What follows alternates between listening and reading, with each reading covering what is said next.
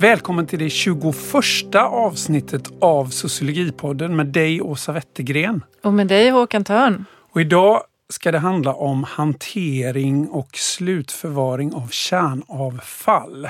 Vilket är temat för en ny avhandling skriven av Hannes Lagerlöf som är våran gäst.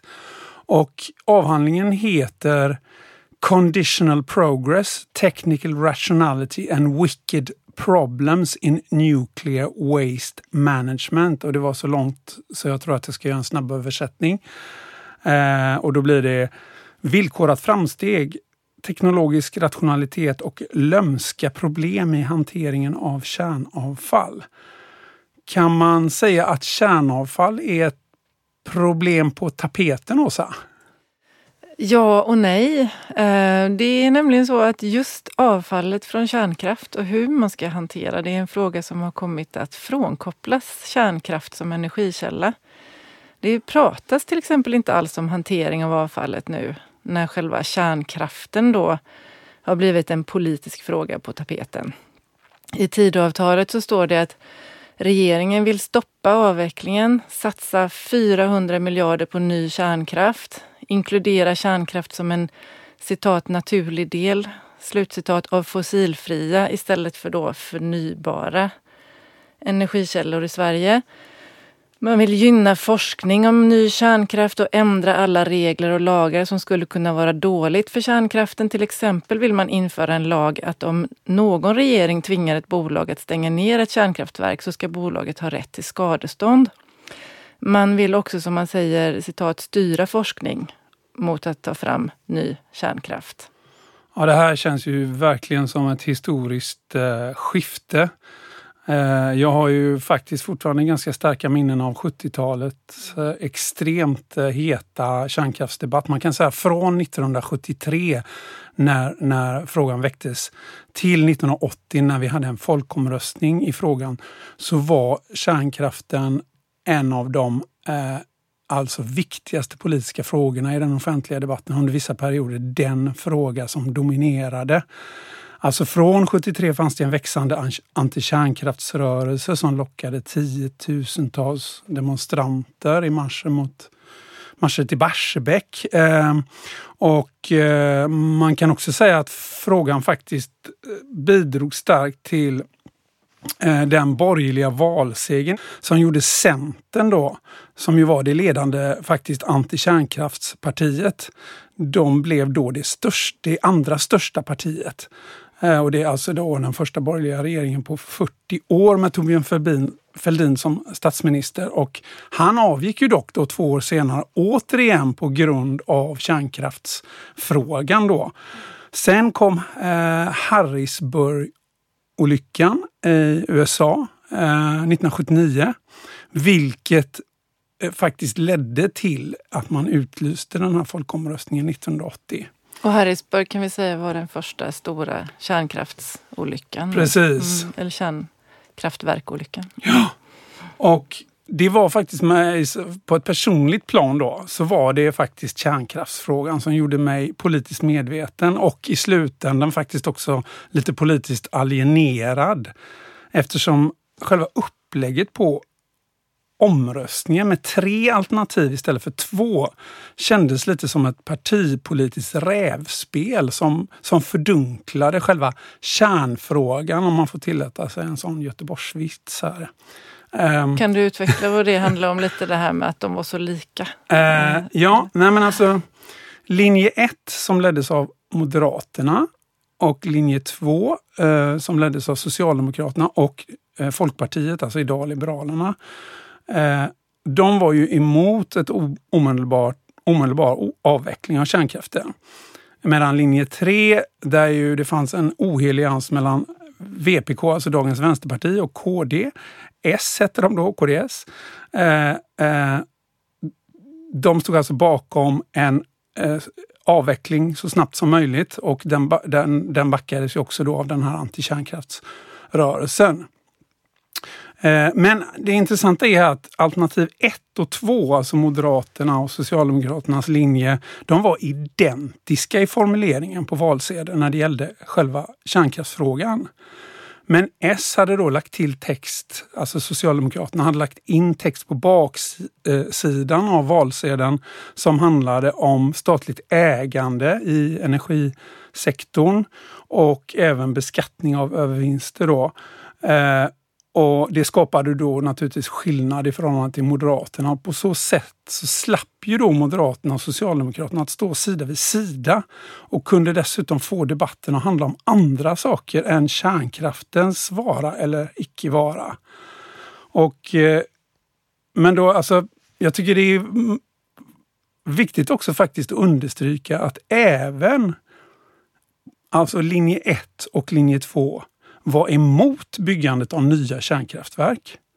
Och man förespråkade faktiskt eh, att de existerande kärnkraftverken skulle avvecklas, dock med tillägget då citat i den takt som är möjlig med hänsyn till behovet av elektrisk kraft för att upprätthålla sysselsättning och välfärd.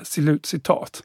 Så det tycker jag är viktigt att understryka i relation till dagens debatt. Samt även då att omröstningen alltså föranleddes av den alltså första stora kärnkraftsolyckan. Något som då många dittills hade sagt faktiskt inte kunde hända. Nej, precis. Och sen utvecklar vi då ännu mer säkra citat eh, kärnkraftverk, eh, trodde vi. Eh, men så fick vi ju då Tjernobyl 1986. 1986 när vi inte kunde käka svampar och, och viltkött Älgkött, i Sverige. Ja. och sen kom Fukushima nu senast som faktiskt föranlett att Tyskland har genomdrivit avveckling av kärnkraften trots energikrisen. Um, så grejen med kärnkraft är väl att det från början inte bara varit farligt utan också väldigt svårt att få lönsamt. Alltså det är både jättefarligt men också lönsamt och det vill jag gärna lyfta eftersom man då pratar om kärnkraft som lösningen idag i, i um, svensk politik. Um, men vad gäller lönsamheten i produktionen av el så är alltså kärnkraften högst relativ. Det som kallas energy return on investment, ROI, on energy investment, ROI. Det vill säga den mängd energi som förbrukas för att producera en viss mängd nettoenergi, den är faktiskt ganska låg för kärnkraft om man jämför med olja som ju då vinner över alla energikällor med hästlängder. Vi har liksom ingen så potent el, eh, eller vad man energikälla. Säga, energikälla som olja. Men um, Faktum är att det också har ett lågt ROI i kärnkraft om man jämför med läget idag när vi kan producera el från vatten, vind och sol för mycket högre ROI än vad kärnkraft kan. Så det är bara det att vatten, vind och sol tar mycket plats i anspråk rent fysiskt och därför stör mer i våra omgivningar för att uttrycka sig förenklat. Um, och så är det ju det här att framförallt sol och vindkraft har politiserats idag. Eh, det beror nästan på ideologi om man tycker det är bra eller dåligt, politisk ideologi. Var man står liksom. Ja, var man står snarare än, hur, eh, snarare än hur effektiv energikälla det är då. Och I Sverige ökar faktiskt tack vare tidigare regeringar då den delen av elen som produceras av sol och vind mest just nu. Eh, men det kommer väl inte hålla så länge till för allting omdirigeras till kärnkraft då. Men tillsammans så stod eh, vatten, sol och vind för 60 procent av produktionen 2021. Eh, och störst var då vattenkraft och vindkraft. Och kärnkraft stod för 31 procent och värmekraft, till exempel fjärrvärme, stod för 9 procent. Ja, men eh, hur kan man egentligen förstå det här då att den här regeringen ser kärnkraften som den stora räddningen på, på energi? Jag tror att det är lite magiskt, eh, magi över detta. Man, man vill inte kännas vid att energin nog måste bli dyrare och att vi får svårare och svårare att och konsumera så mycket energi i våra moderna samhällen som vi är vana vid när vi har haft oljan. Eh, energipriserna rakar, priserna rakar ju höjden samtidigt som energibehovet ökar, inte minst då när man ska elektrifiera allting. Um, och samtidigt så måste vi låta kvarvarande fossila bränslen, som inte är så mycket kvar, men dock eh, stanna i marken för att inte grilla planeten och oss själva.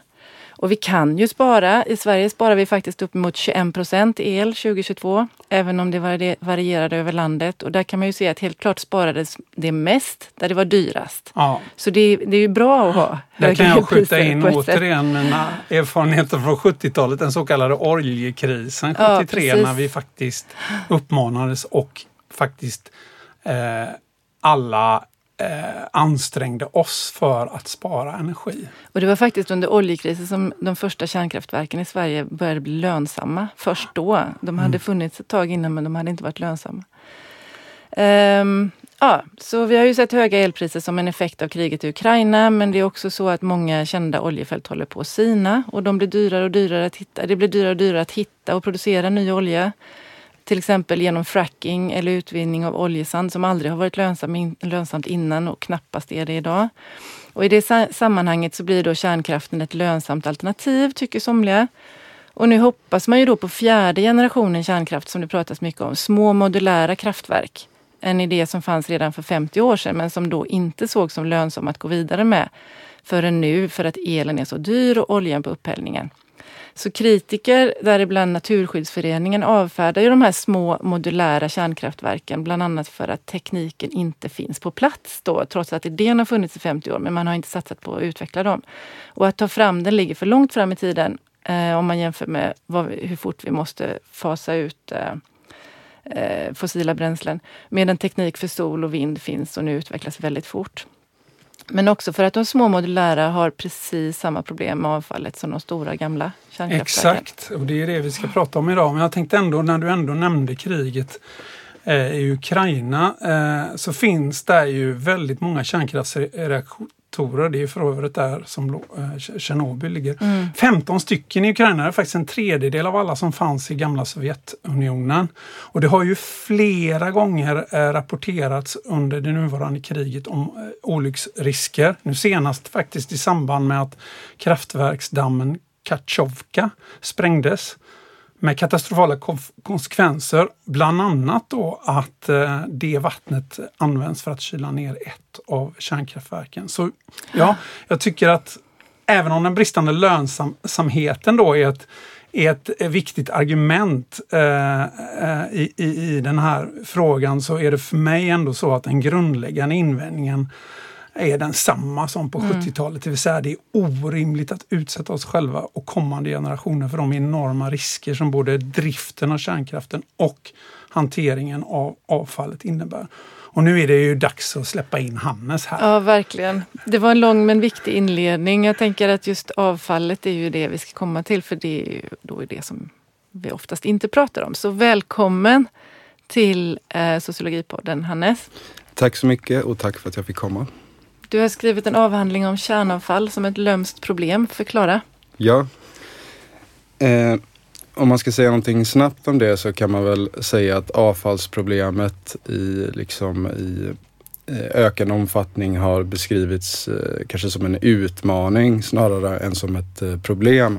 Och en utmaning gör ju gällande att eh, man kan överkomma eh, liksom vissa hinder och man kan, eh, och man kan ehm, ja, hantera den på olika sätt som kanske inte innebär så många risker och så. Och då försöker jag säga att eh, man kanske ändå borde kalla det för ett eh, problem därför att det för med sig så många olika typer av eh, problematiker dessutom. Och inte bara det då utan det är ett lömskt problem och ett lömskt problem betyder då att det är ett, ett problem som bara har en massa suboptimala eh, valmöjligheter för att hantera så att eh, någon kommer förlora oavsett hur man beter sig när man ska lösa den. Eh, och då handlar ju avhandlingen då kanske om eh, de här olika konsekvenserna som, eh, som träder fram när, när man ska hantera det här avfallet som man kanske inte hör så mycket om. Så suboptimalt, det finns ingen bra lösning helt enkelt? Eh, nej, det finns väl, det beror också lite på vad man frågar men, men jag menar ändå att det är ofrånkomligt att det kommer ha konsekvenser för vissa eh, personer, negativa konsekvenser för vissa personer. Eh, vissa värden kommer ta skada av eh, hur man eh, hanterar det här avfallet eh, och det beror helt enkelt på vilken syn man har. Men någon kommer förlora på det. Någon, något värde kommer få stå tillbaka för ett annat värde och det är inte så man pratar om avfallsfrågan idag utan mm man pratar då om eh, framsteg helt enkelt. Liksom ovillkorade framsteg. Då. När du menar framsteg, tänker du på? Jag tänker på teknologiska och vetenskapliga framsteg. Alltså att man hävdar att man har med hjälp av vetenskap och teknologi eh, liksom kunnat eh, hantera de, de risker som, som avfallet eh, för med sig. Mm. Eh, och då är det ett sånt framstegsnarrativ. Alltså, vi har tagit, bit för bit har vi lagt på vetenskaplig kunskap som, som vi kan använda för att, för att liksom hantera det här avfallet eh, säkert.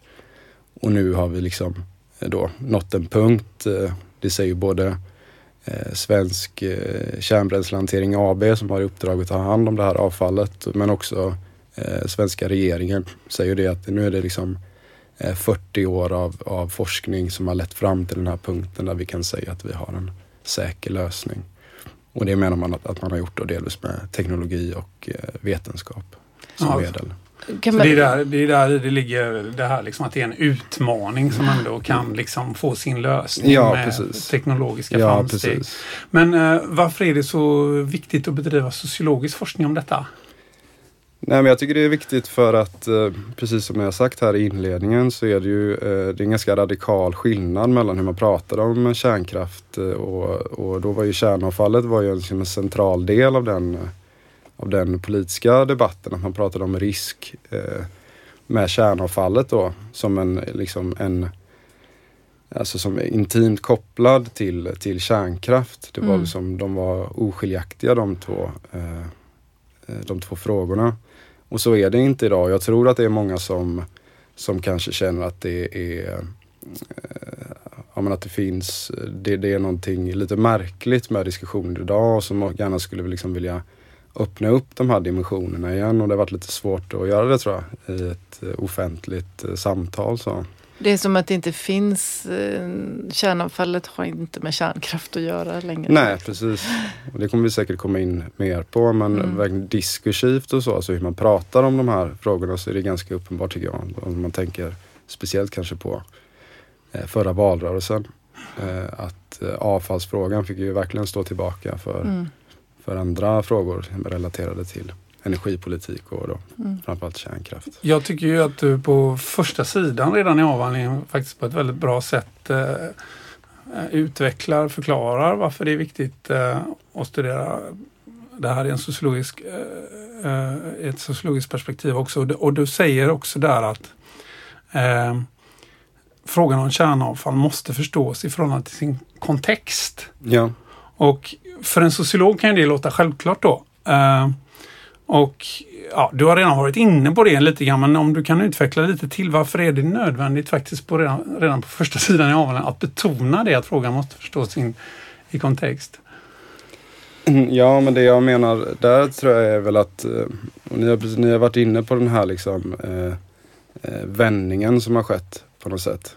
Och då menar jag att om man ska om man, om man liksom ska komma in då i kärnavfallsfrågan och säga någonting eh, substantiellt om den i, en, i ett liksom, debattklimat som inte, som inte tillåter det nu. Mm. Då får man ju förklara på vilket sätt det fortfarande är, är relevant.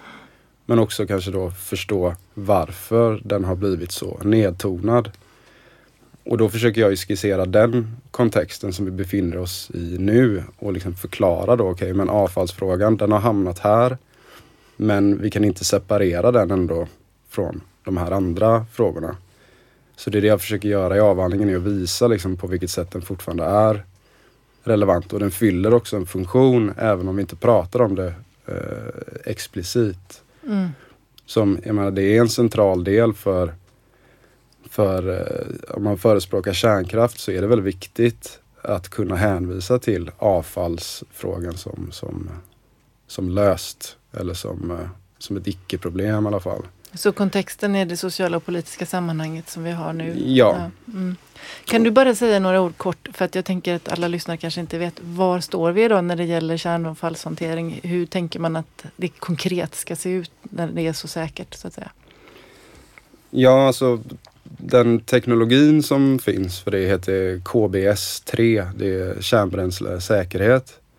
Eh, kallas den. Och den är ju, den är ju gammal. Den är från, från 70-talet eh, egentligen. Och den eh, kom ju då som ett eh, svar på kritiken mot eh, kärnkraft och spe specifikt då kritiken mot eh, avfallsproblematiken.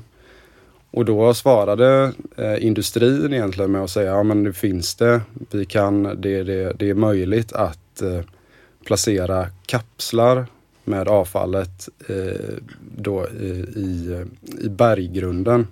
Det är det som kallas för geologisk slutförvaring då. Mm. Eh, och eh, eh, med olika barriärer då liksom skydda, skydda den här kapseln så att ing, ingenting läcker ut helt enkelt från, från, eh, från kapslarna. Eh, och den har ju utvecklats då liksom med, eh, med tiden. Eh, och eh, idag så är det då liksom den ja, KBS 3 då som heter kärnbränslesäkerhet 3 som är, går ut på att det är kopparkapslar specifikt. att Man har laborerat med olika material sådär genom, genom åren. Men då är det kopparkapslar eh, som man placerar eh, avfallet i, eller det använda kärnbränslet då. Mm. Eh, och eh, placerar det i tunnlar som man har, som man har eh, borrat, grävt i berggrunden. Och det är ju egentligen den... den Och där ska det- de ligga i hundratusen år eller? ja, precis. Och vad för, för evigt egentligen. Ja, Det är ja. det som kallas då, man kallar det för att man upprätthåller säkerheten passivt. Alltså det krävs inga insatser efter man har deponerat avfallet. Utan när det väl är deponerat då, då kan man liksom eh, låsa och kasta bort nyckeln. Mm. Och så behöver man inte bry sig om avfallet mer. Det är tanken. Men sen är det också då att eh, en sån här eh, en sån här lösning kräver ju också eh, en plats. Det är inte eh, att teknologin då, eh, ja, om man, nu ska, om man nu tror på att den är på plats så måste den fortfarande ha, den måste fortfarande implementeras någonstans. Mm.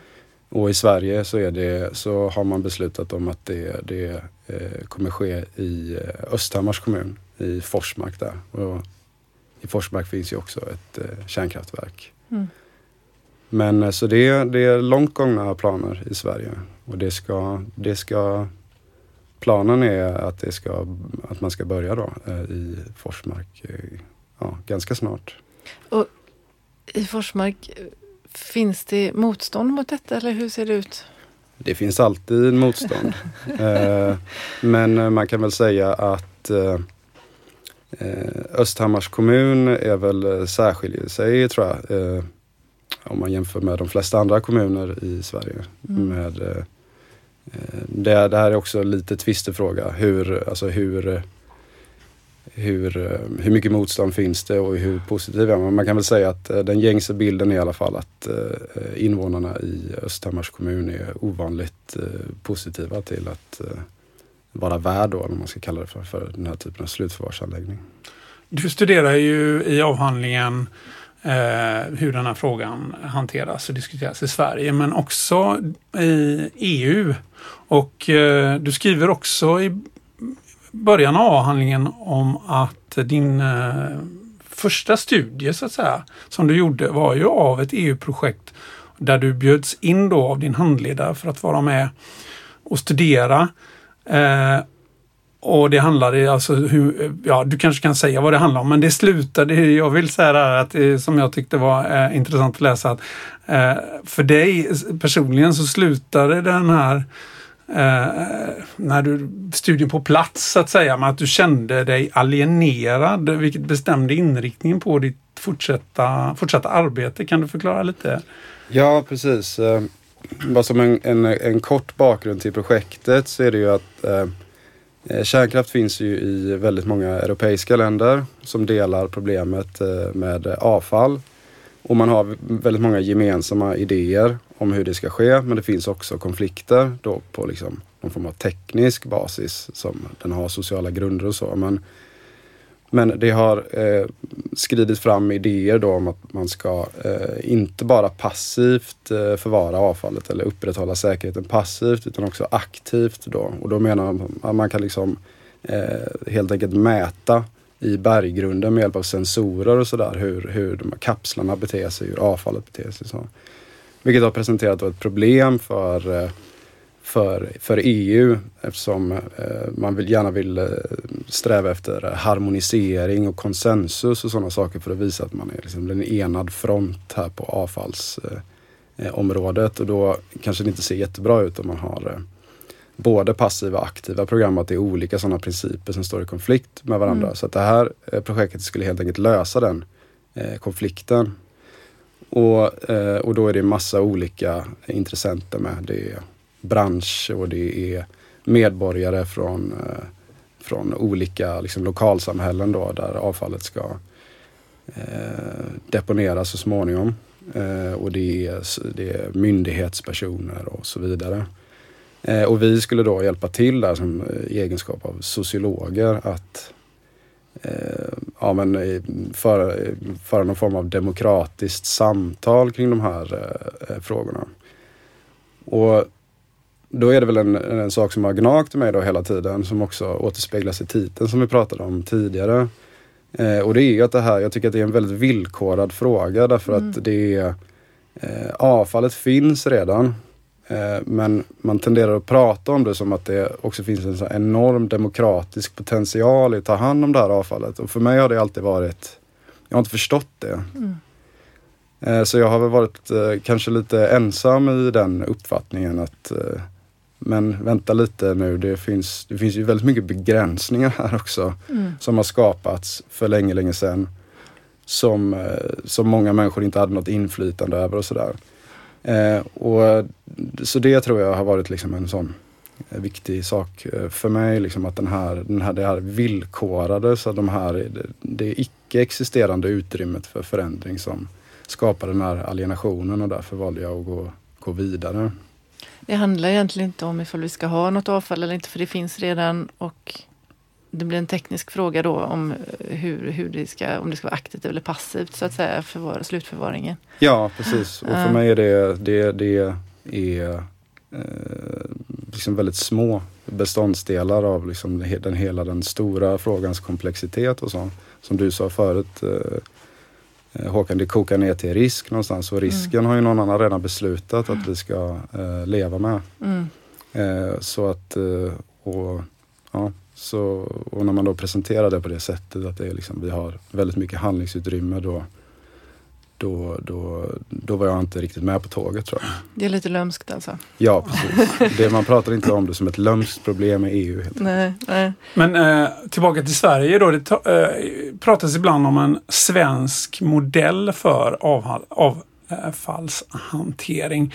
Alltså vad betyder det? Finns det en koppling där eh, historiskt till den eh, svenska modellen mer övergripande. Jag, jag tänker ju på liksom hur kärnkraften utvecklades i Sverige under efterkrigstiden. Alltså det var liksom i, i linje med så, så här själv, eh, Saltsjöbadsavtalets handslag mellan stat och näringsliv. Alltså där fanns eh, eh statens, eh, där fanns statliga företag som Vattenfall som arbetade i, i tätt eh, samarbete med, med privata företag. Alltså det var ju väldigt mycket ett uttryck för en slags svensk eh, konsensuskultur. Är det det som, alltså är det, det som också återspeglas här i, eller hur skulle du säga? Eh, ja, det är det. Mm, det är väldigt mycket den här, eh, det, det, det är en svensk kulturell sak som, som, som går igen så att säga i avfallsfrågan. Alltså att man att man tänker sig att eh, konflikter kan, kan man kringgå med hjälp av olika konsensusarrangemang. Till exempel då att bjuda in olika intressenter till samtal om, om de här frågorna och så. Mm. Och då kan det röra sig om lokala organisationer, miljöorganisationer, det är liksom företag, det är statliga representanter, myndighetspersoner och så vidare.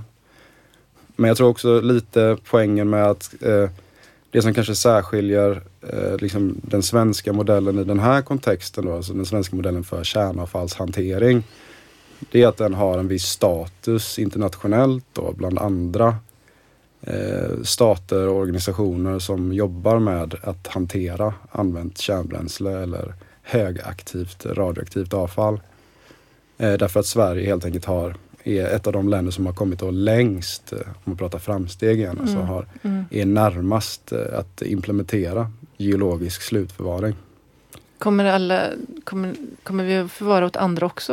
Är det tank- tänkt eller? Nej, det ska Nej. vi inte göra utan det är, det är vårt eget avfall som ska hanteras. För, tillba- för om man tänker just Östhammar, du nämnde det här, där var de så positiva. Ja, Eh, där är det konsensus då om att det här är en säker lösning eller hur?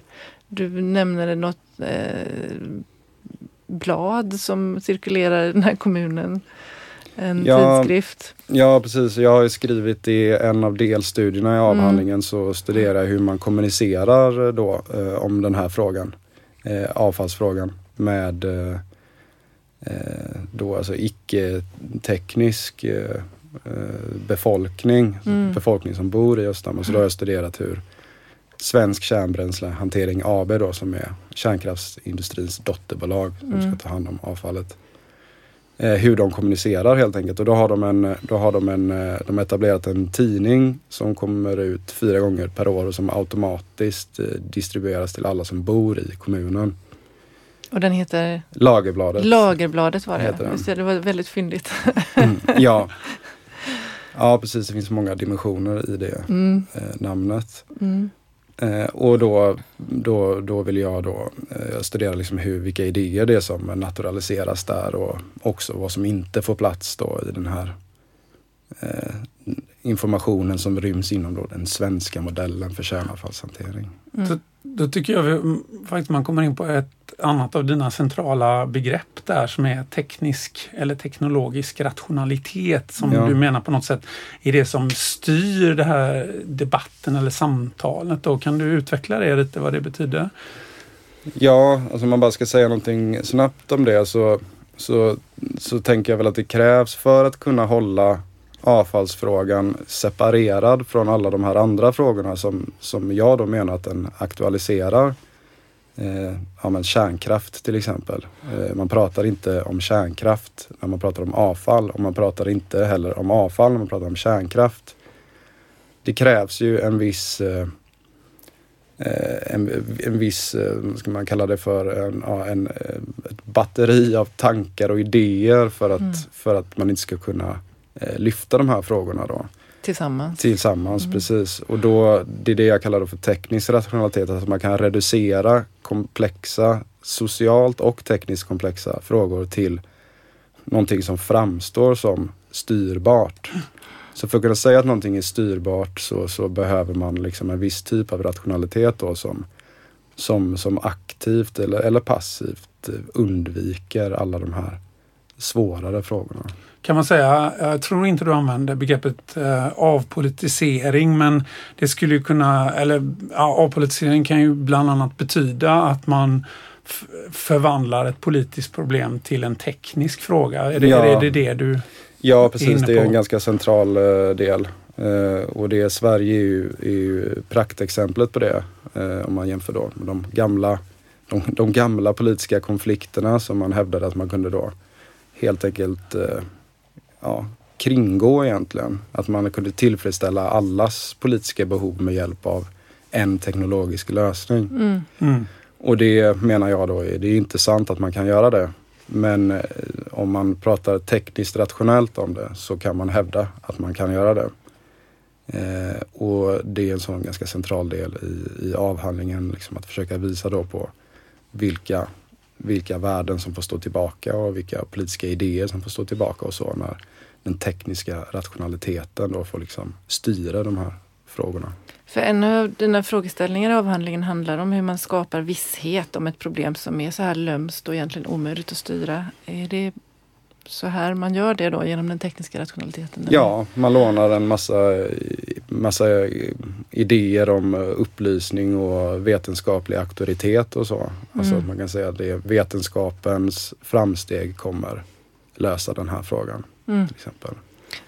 Jag tänker också så här, teknologisk optimism, alltså Ja. något som också präglar klimatfrågan och så. Kan man, kan man liksom göra, dra paralleller mellan klimatfrågan och ehm, alltså hur vi tänker att vi ska lösa klimatet med teknologisk... Ja absolut. Eller teknisk rationalitet. ja, ja absolut. Jag menar ju att eh, i, i de avslutande delarna i avhandlingen så försöker jag ju säga det att det, eh, vill man titta på eh, liksom konsekvenserna av teknologisk rationalitet och liksom en form av naiv vetenskapstro och olika ja, teknisk optimism och så.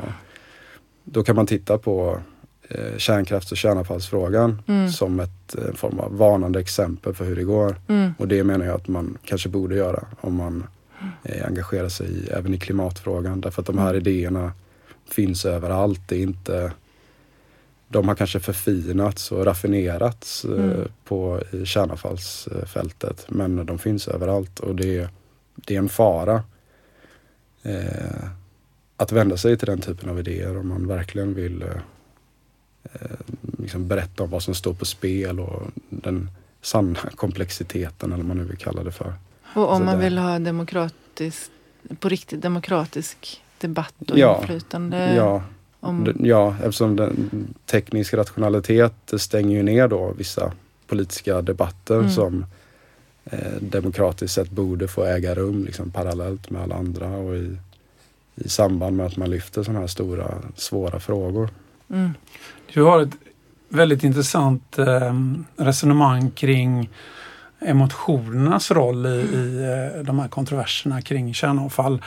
Eh, där jag tror att du menar att man har gått ifrån att på, som jag minns också från debatten på 70-talet, att betrakta emotioner som irrationellt. Alltså i grunden, motståndarna är emotionella, alltså är de irrationella och förstår inte. Eh, liksom. Eh, men du menar att nu idag har man gått snarare till att eh, från så att säga, förespråkarnas eller de som företräder kärnavfallshanteringen så att säga att liksom försöka frammana de lämpliga känslorna, alltså kanske i det här lagerbladet eller är det, är det så du? Ja precis. Eh, man kan väl säga att äh, återigen då äh, i liksom äh, på 70, 80, kanske 80 90-talen mest när man skulle försöka hitta en plats då för att gräva ner avfallet så gjorde man det. Man, man stövlade in egentligen bara i, i något lokalsamhälle och så började man borra och mm. sådär. Eh, och brydde sig inte så mycket om vad lokalbefolkningen där eh, tyckte och tänkte och så. Eh, och då avfärdade man mycket, mycket av kritiken med hänvisning till att eh, ja, men ni känner ju bara en massa saker. Varför är ni arga? Det är liksom en... Irrationellt. Ja, det är irrationellt. Då. Så att, då, att känna var samma sak som att, eh, som att vara irrationell.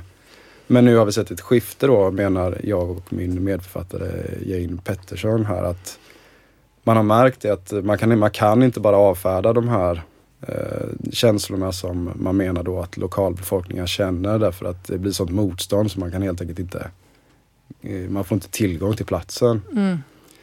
Och då har man eh, ruckat lite på den här eh, irrationalitets rationalitetsprincipen som man har som man har vilat på tidigare. Och det kan ju verka då som att det har skett någon form av radikalt skifte. Sådär. Mm. Men när man studerar det lite närmare så märker man att ah, okej, okay, men det, de är ändå fortfarande inne på att uh, man ska skapa den typen av känslor som inte genererar, uh, som, som, inte leder till något motstånd mm. utan det, är fortfarande, det ska fortfarande grävas ner på samma sätt. Det är ingenting som har, det är ingenting som har förändrats i lösningen eller så utan, utan man ska då se till att de här eh, lokalbefolkningarna som befinner sig på platsen eh, känner rätt saker då. Då kan det vara till exempel att de ska känna tillit. Och mm. Man får gärna känna glädje och sådär när man står Optimism. Bredvid. Ja, optimism och glädje. Och så att det är en form av anpassning som har ägt rum men den är då det är inget radikalt eh, så. Man, man kan säga att de har gått ifrån att betrakta motståndet som känslosamt och irrationellt till att betrakta motståndet som eh, på sätt och vis eh, rationellt för att det leder, alltså det, det vägleds av de här känslorna men då ändrar vi, då försöker vi ändra på hur de känner istället. Alltså. Ja. Och de lära dem att känna på rätt sätt. Ja. Men jag tänker koppla det här till teknisk rationalitet och den här alltså, reduceringen av en fråga till att bara handla om teknik handlar ju också om att man kan säga då ni förstår inte den här frågan för ni är inte tillräckligt kunniga om mm. de vetenskapliga och tekniska framsteg som har gjorts här och vetenskapen säger och tekni tekniken tillåter och sådär.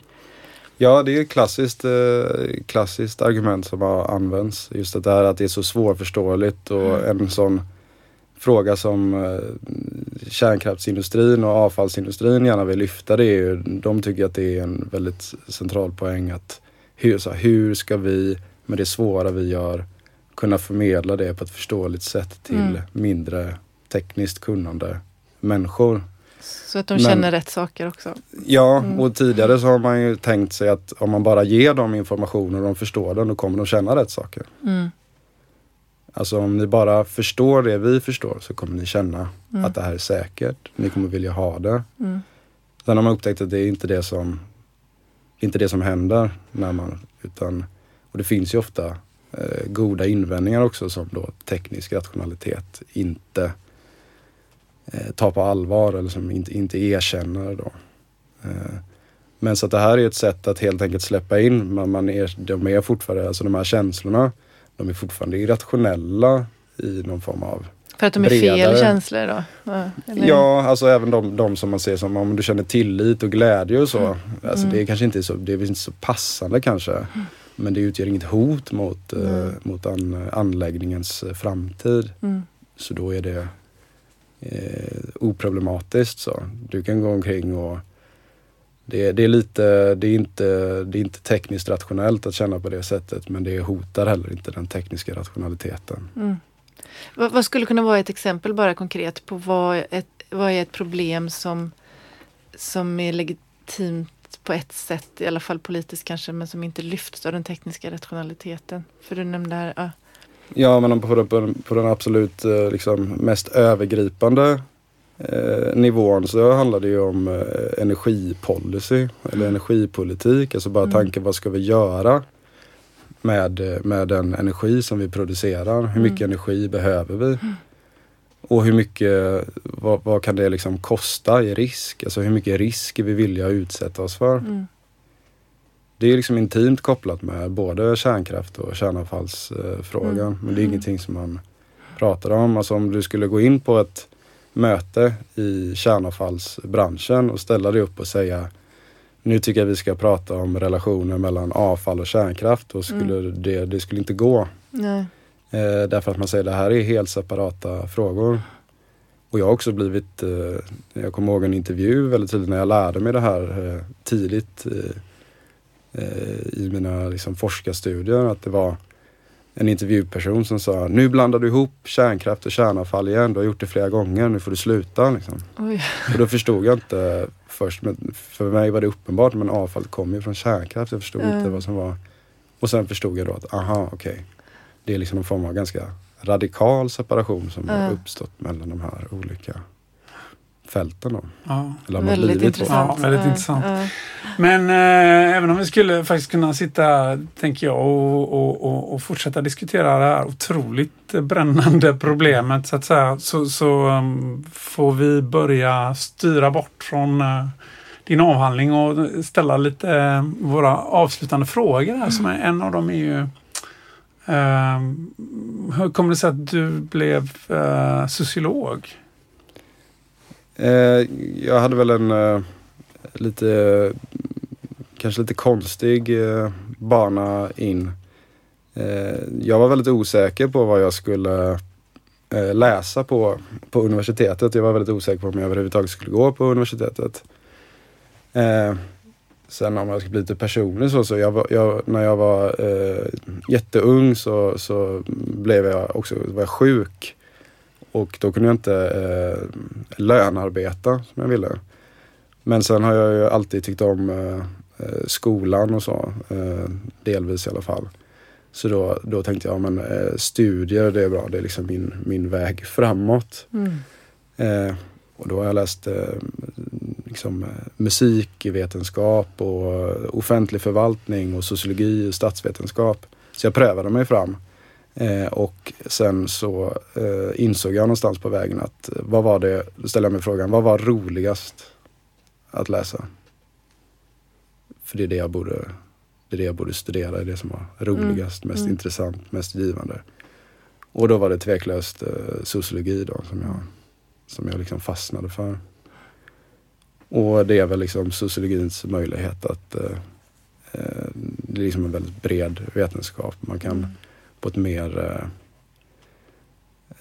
mer öppet sätt och eh, förutsättningslöst sätt eh, närma sig olika typer av samhällsproblem. Som jag tycker att jag inte har stött på i andra discipliner som är mer specialiserade kanske. Mm. Många olika metoder, många ja. olika teorier ja. och förmåga att liksom se lite bakom det som folk tar för givet. Ja, precis. Har du något boktips till lyssnarna? Eh, ja, eh, eftersom min avhandling handlar ju väldigt mycket om eh, brist på, på motstånd och så. Så tänkte jag att jag kan ge ett exempel på en bok som handlar om eh, motstånd och försöka öppna upp mm. och bredda frågorna. Eh, och då har jag eh, en bok som det är lite okonventionellt. Det är en kokbok som heter 10 grader Celsius recept från Forsmarks skärgård. Roligt. Och den är skriven av Carl eh, Johan Eriksson och Karin Wilén med ett efterord av Jesper Olsson. Eh, och Carl Johan Eriksson och Karin Wilén de är konstnärer och har sommarhus eh, i Forsmark. Så det är alltså Forsmark. på riktigt recept eller? Ja, det är recept. De har fångat då fisk som, som lever i där kylvattnet från Forsmark blåser ut i havet. Det är ungefär 10 grader varmare då än vad det här, borde vara mm. och som det är i det kringliggande havet. Så fångar de den eh, fisken och tillagar den då på ett ja, men sådär, eh, liksom estetiskt tilltalande sätt. Det är väldigt fina bilder och så i den här boken. Eh, och så åker de också runt och bjuder på den här fisken på olika marknader och så. Så det är liksom både den här kokboken och sen också någon form av aktion då. Som ja, just det. Talar de om det då? Att, de har till, att det är... Ja, precis. Eh, och så är det också då att den här fisken är ju, den, den, den förändras ju av att det är varmare vatten så att den blir större och organen blir större mm. och så. Så att det väcker liksom också då de här eh, det är en helt annan typ av mm. liksom miljöproblem kanske mm. än vad man brukar tala om med avfallet. Då är det strålningen och så som är det mm. Men här är det liksom De visar på att det finns, det finns också andra problem som man eh, liksom helt har ignorerat. Och så väcker de upp det då tar de fram det. Apropå eh. uppvärmning av haven också sa de på nyheterna igår. ja, precis. Att det går ja, men det är ett roligt exempel tycker jag på hur, mm. Eh, på hur man kan liksom också närma sig den här frågan som väldigt sällan eh, kommer fram. Ja, tack. Det var ett jättebra tips. Ska jag kolla in alltså. Ja, väldigt, väldigt intressant. Säkert, jag har inte testat recepten. Men jag törs inte fråga om det är någon, var, är det någon som käkar fisken. ja, men jag var, på, jag var på ett seminarium och då, då ställdes just den frågan. Och då eh, menade då Karin Wilén, en av författarna där att, och konstnärerna, att eh, först är folk väldigt tveksamma, man vill inte smaka när man berättar att det kommer från liksom, väldigt nära Forsmarks eh, kärnkraftverk. Då. Men att det är efter att de har pratat en stund då, då, då vill folk ändå testa. Äh, testa liksom. ja. Ja, vi får eh, tacka dig för tack att du ville komma hit. Tack så jättemycket och tack för en väldigt viktig avhandling. Ja, mm. tack så mycket för att jag fick komma. Hej då. Hej då. Då var det dags för vårt litteraturtips och idag är det du som har valt Håkan. Vad har du valt? Jag har valt Den endimensionella människan studier i det avancerade industrisamhällets ideologi av Herbert Marcuse. Och den kom eh, ut första gången 1964 i, eh, på engelska och eh, på svenska 1968 i översättning av Sven-Erik Lidman. Och jag, kanske, jag ska säga att den har en stark koppling till Hannes mm. avhandling. Den finns i Hannes litteraturlista. Mm. Jag ska också säga att den här boken var så otroligt viktig för mig för det var den första bok som eh, jag läste som fick mig intresserad av alltså bredare samhällsfilosofi. Den, den var en sån här ögonöppnare. Och detta var ju liksom när jag precis hade börjat läsa på universitetet. Det var ingen kursbok. Jag skulle skriva min uppsats om kritik av industrisamhället. Och det var inom sociologi eller var det? Nej, det var faktiskt idé och lärdomshistoria. Uh, uh. Men det, det, jag, det är faktiskt först nu när vi förbereder den här podden som jag ser den tydliga kopplingen till mm. att den boken eh, gjorde sånt intryck på mig och att det var genom kärnkraftsdebatten som jag hade blivit politiskt medveten. Så det är lite nostalgitripp för dig idag? Ja, det är det. Men den har funnits med mig hela tiden. Jag tycker den är superaktuell. Ja, mm. Jo, det kommer vi till. Det är, det är verkligen mm. en superaktuell bok. Och vem var Herbert Marcuse? Jo, han föddes i Berlin 1898 och dog i Kalifornien 1979 men är begravd i sin hemstad. Eh, han deltog i den vänsterrevolutionära gruppen eh, Spartacusförbundet eh, under det som ibland kallas för den tyska revolutionen eh, 1919.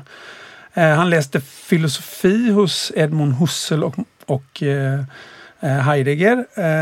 Han anslöt sig till Frankfurtskolan 1933. Då, Frankfurtskolan som utvecklade den, det som kallas för den kritiska eh, teorin. Och det kanske du ska säga något kort om vad ja, Frankfurtskolan det, var? Ja, det grundades som Institut för social forskning. Institutet för social forskning 1923 där leddes av Max Horkheimer, andra kända namn där Theodor Adorno, Walter Benjamin, eh, Erich Fromm och så Herbert Marcuse. Då. Eh, och den kritiska teorin kan man säga det var en marxistisk kritisk samhällsteori med filosofiska anspråk. Och man la också till en psykologisk eller social psykologisk dimension då med hjälp av eh, Freuds teorier. Mm.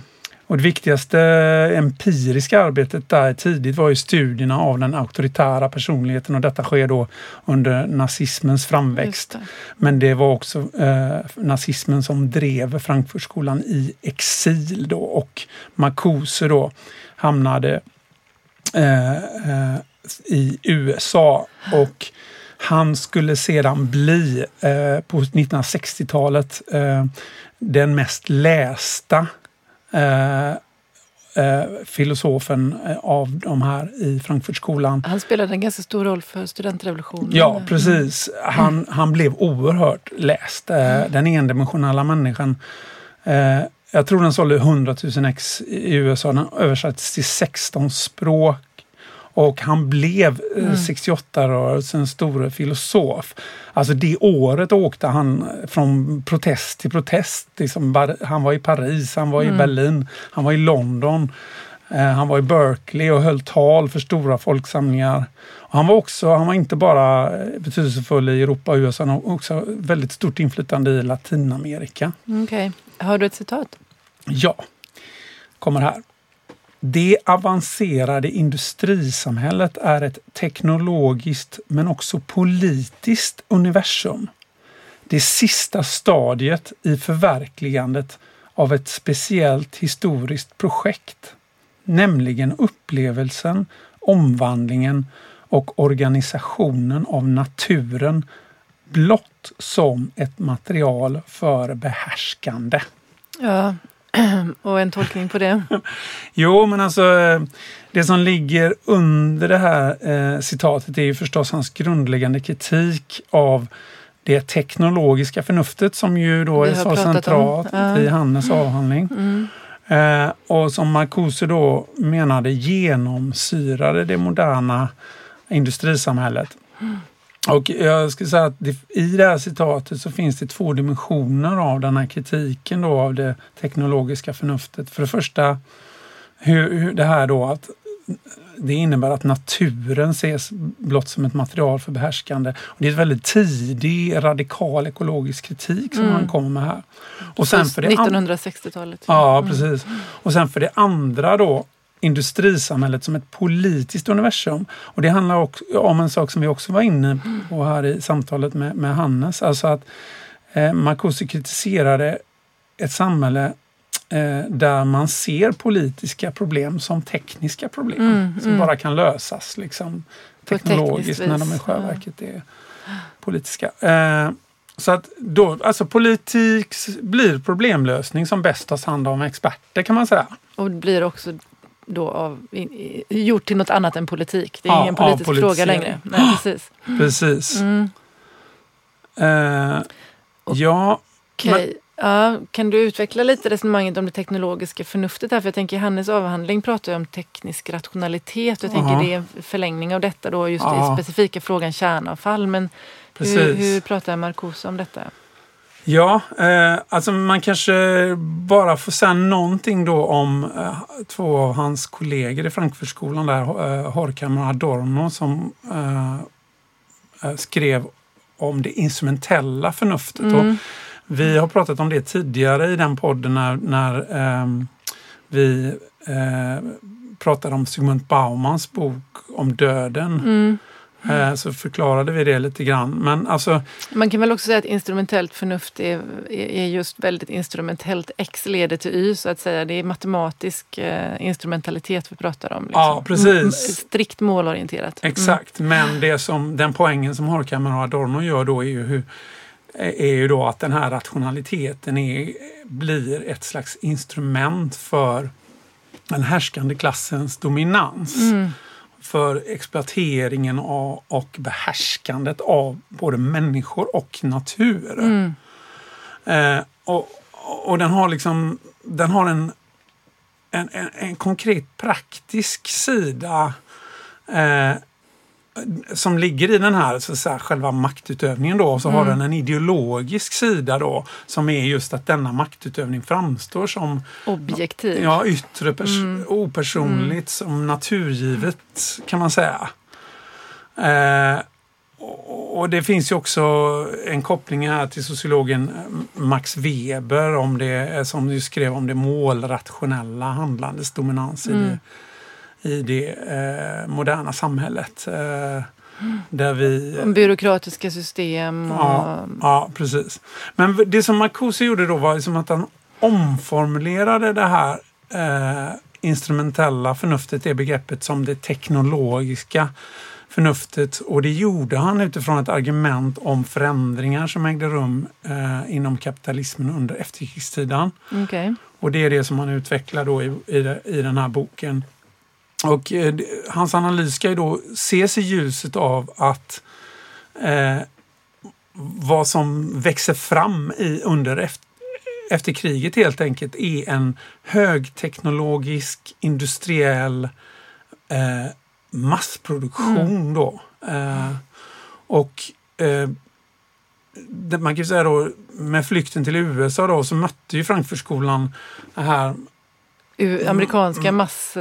Massproduktionens samhälle Ja, och det teknolo- Mecka liksom. Mm. och det teknologiskt avancerade Mm. eh, eh, och expertstyrda eh, eh, samhället. Eh, och, och, och Marcuse skriver också mycket om hur konsumtionssamhället då förändrar vardagen. Det sker Mm. också mycket Mm. under efter kriget här. Att vi, hur vi omger oss med konsumtion, konsumtionsvaror och de är ju i tilltagande grad just teknologiska artefakter. Mm, mm. Alltså då var det ju liksom kylskåp och Mm. tv. Eh, Tvättmaskin och ja, diskmaskin, diskmaskin och och bilar. Och, Ja, precis. Bilar inte Ja, minst, liksom, såklart. Eh, så, så därför, då menar eh, Marcuse att därmed är vi på ett helt annat sätt än tidigare i historien beroende av Mm. natur och teknikvetenskaperna.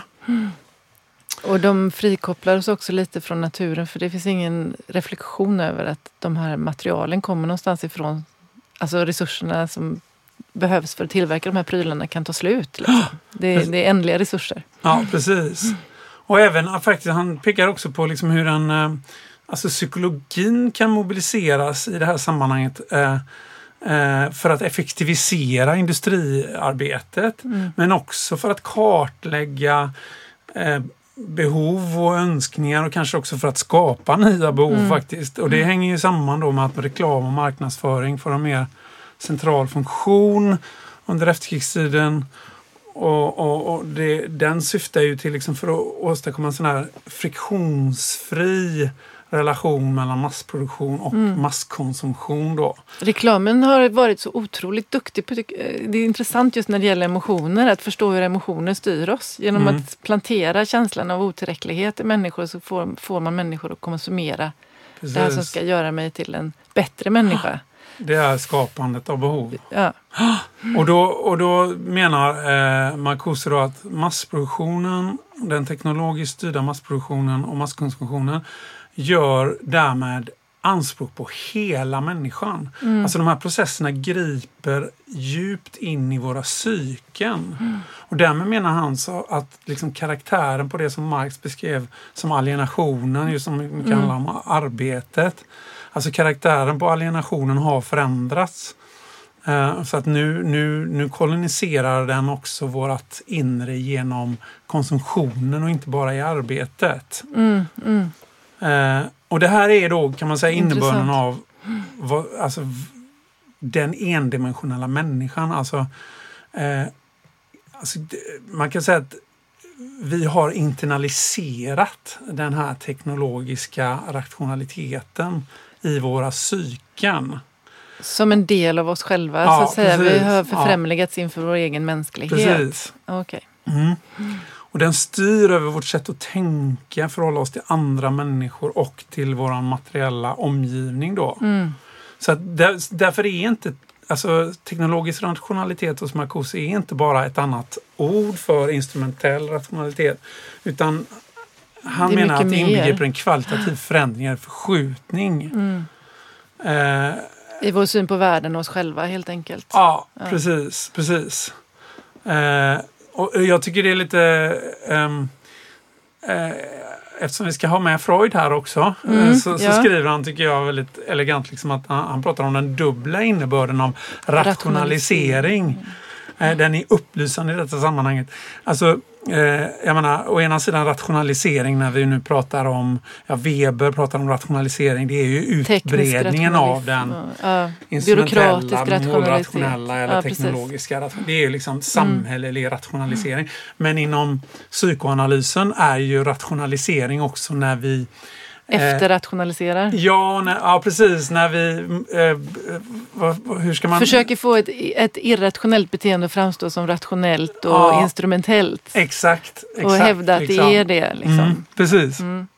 Och, det, och, det, och det, detta använder Marcuse då den dubbla betydelsen av ordet rationalisering för att peka på hur ideologin i det här avancerade eh, industrisamhället eh, fungerar på ett, på ett eh, omedvetet plan. Mm. Det finns så, så här inbyggt i, i hur vi förhåller oss till oss själva Mm. och varandra och världen. Då. Mm. Så att det här som Marx skrev, eh, eh, Marx använder ju begreppet varufetischismen Mm.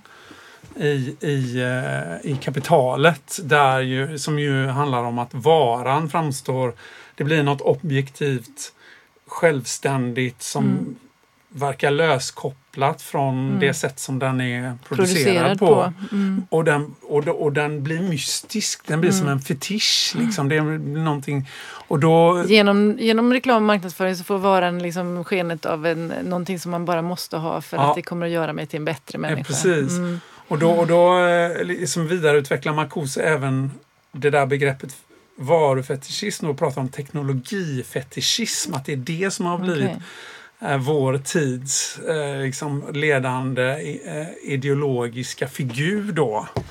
Alltså på, så, så att, på samma Apropå sätt- te teknologisk rationalitet och Ja. teknikoptimism och så. Ja.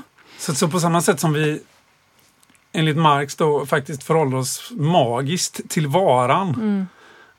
eh, så förhåller vi oss magiskt till den teknologiska artefakten. Mm. Alltså, eh, dels, alltså, på samma sätt så döljer ju den eh, eh, exploateringen av av arbetet men Marcuse trycker också på att den döljer exploateringen av naturen. Då. Mm, mm. Eh, Yes. Det är ju skitintressant. Jag, Ja. jag, tänker på, um, jag tänker på den här teknologiska rationaliteten som har lett till att vi har tagit fram maskininlärning och AI som är så otroligt på tapeten just nu. Alltså ChatGPT och kvantdatorer och sånt där som vi, vi, de funkar men vi förstår inte, inte ens vetenskapsmännen själva förstår hur de fungerar. För de, de här, hur de lär sig och hur det fungerar med ettor och nollor som jobbar samtidigt och så. Det förstår vi inte men det, vi vet bara att det funkar. ja. Och sen det här att vi på allvar då tänker att de kan ersätta människor. Det, det, det på något vis visar på en väldigt, väldigt vad ska man säga, förminskad syn på vad en människa är. Mm. Alltså, ja. och, och, just att vi längtar efter att vara, har längtat hela 1800 och 1900-talet efter att vara de här instrumentellt rationella varelserna som inte har några känslor och inga kroppar och som kan agera objektivt och fatta de objektiva besluten och sådär. och så tror vi fortfarande det på något vis och ser AI då som, det är klart att AI kan ersätta det men men AI kan ju inte bli en människa, eller? Nej, men precis. Marcoses poäng är ju dock att eh, den endimensionella människan har blivit som en AI. Ja, alltså, precis. den har ingen, ingen själ. Nej, exakt. Eh. och vi vill avsjäla oss själva också. Alltså, Eh, ja, och jag tycker också att det jag måste få ta upp det också för att eh, han, liksom, han, han tar ju många av de här begreppen i den marxistiska traditionen och så utvecklar han dem i, mot ljuset av, mm. i, i, ljuset av det som har hänt under efterkrigstiden och så. Och det, inom marxismen finns ju det här begreppet falskt medvetande då, ja, alltså som är när vi lever i ideologin. Liksom. Mm. Men då, då, då skriver Marcuse skriver om det lyckliga medvetandet, det falska medvetandet som det lyckliga medvetandet. Mm. Det är det här med alltså konsumtionssamhället och alla de här teknologiska eh, artefakterna levererar ständiga gratifikationer. Ja, liksom, eh, som vi nästan blir beroende av då. Eh, Ja, alltså så han, han, eh, det lyckliga medvetandet, han definierar det som att tron på att det verkliga är förnuftigt Tron på att det verkliga är förnuftigt och att systemet levererar livets goda. Mm, mm. Eh, och, och, ehm, ja, och jag skulle liksom ändå vilja trycka på aktualiteten i hans analys, även om han liksom gör sin analys då i decennierna under, efter Jesus. kriget så att säga. 60 så han år blev, sedan. Ja. ja. och så blev han den här otroligt läste mm. filosofen mm. på 60, sent 60 och sen försvann han. Mm. Kan man säga. Nu verkar han vara på väg tillbaka. Mm. Och det tänker jag liksom ändå att, att det har någonting att göra med att hans analys har blivit ännu mer aktuell. Ja. För liksom den här den högteknologiska konsumtionskapitalismen alltså har ju aldrig varit mer eh, förhärskande mm. i, än idag. Och, och, jag tänker också på det här med liksom New Public Management som en eh, sätt att organisera ja, Mäta och ja, alltså system för att mäta prestationer ja, och inympa ett prestationstänkande ja. hos individerna. Det, eh, det är också ett, ett mm. uttryck för en mm. teknologisk rationalitet, hur vi internaliserar den mm. och betraktar oss själva och, och, och, våra handlingar. Och hur vi också redan tidigt lär oss att vi ska sätta upp ett mål och sen ska vi definiera medlen för att nå till målet. Och så det är liksom att agera Exakt. rationellt. Ja. ja, och sen jag tycker också det alltså att vi har aldrig varit så beroende av tekniska produkter i vår vardag. Mobiltelefonen. Precis, snacka om teknikfetischism. Mm. Alltså, jag vet inte hur det är med dig men jag måste faktiskt göra en bekännelse här att jag tar oftare på min, min mobiltelefon än vad jag tar på min älskade. Jag skulle tro att det är samma sak för mig också för jag letar ofta efter den för att veta att den är med. För om den inte är med då drabbas man av panik. Alltså. Precis. Och jag tycker också att eh, man kan säga att mobiltelefonen är ett instrument som som, då, som jag då liksom upplever att det ska, skulle vidga mitt frihetsutrymme då alla mina vänner är potentiellt omedelbart tillgängliga. Du är tillgänglig om dina barn behöver dig helt plötsligt. All världens musik, all världens kunskap, några, bara några fingertryck bort. Och det är ju den här liksom omedelbara gratifikationen mm. i en ny mm. form kan man säga. Liksom, allting är omedelbart tillgängligt och kan ge omedelbar tillfredsställelse. Mm. Precis, jag tänker också att liksom, det är också någon slags illusion i det för ibland blir man väldigt besviken på att den inte kan ge den här, att all världens kunskap faktiskt inte finns där. Och ibland har jag tänkt att det är just frihetskänslan som yttrar sig när man inte har någon mobiltelefon. Eller när man lägger undan den på semestern. Den är inte så... Den är rätt speciell alltså. Ja, eller hur? det är något man kan rekommendera. Ja, och allt detta då eh, liksom all, all, all den här, eh, liksom eh, hur, hur den här artefakten mm. har en sån central roll i våra liv Men vi tänker väldigt sällan eller inte alls på eh, hur den har producerats. Nej. Alltså vilken hänsynslös in- exploatering av Mm. arbete, alltså i brytning av metaller och så, som möjliggör eh, produktionen av den här artefakten. Då. Och den ska helst bytas ut vartannat år också. För att man ska Precis. hela tiden vara up to date med det senaste och 5G och sådär.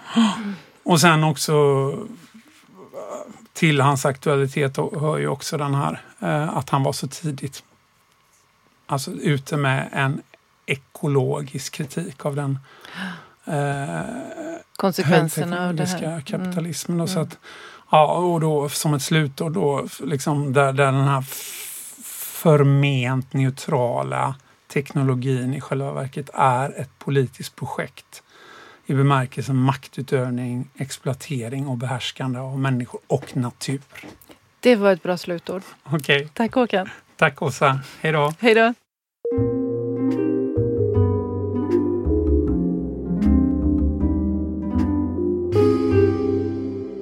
Den här podden finansieras med stöd av Adolf Bratts föreläsningsfond och av Institutionen för sociologi och arbetsvetenskap vid Göteborgs universitet.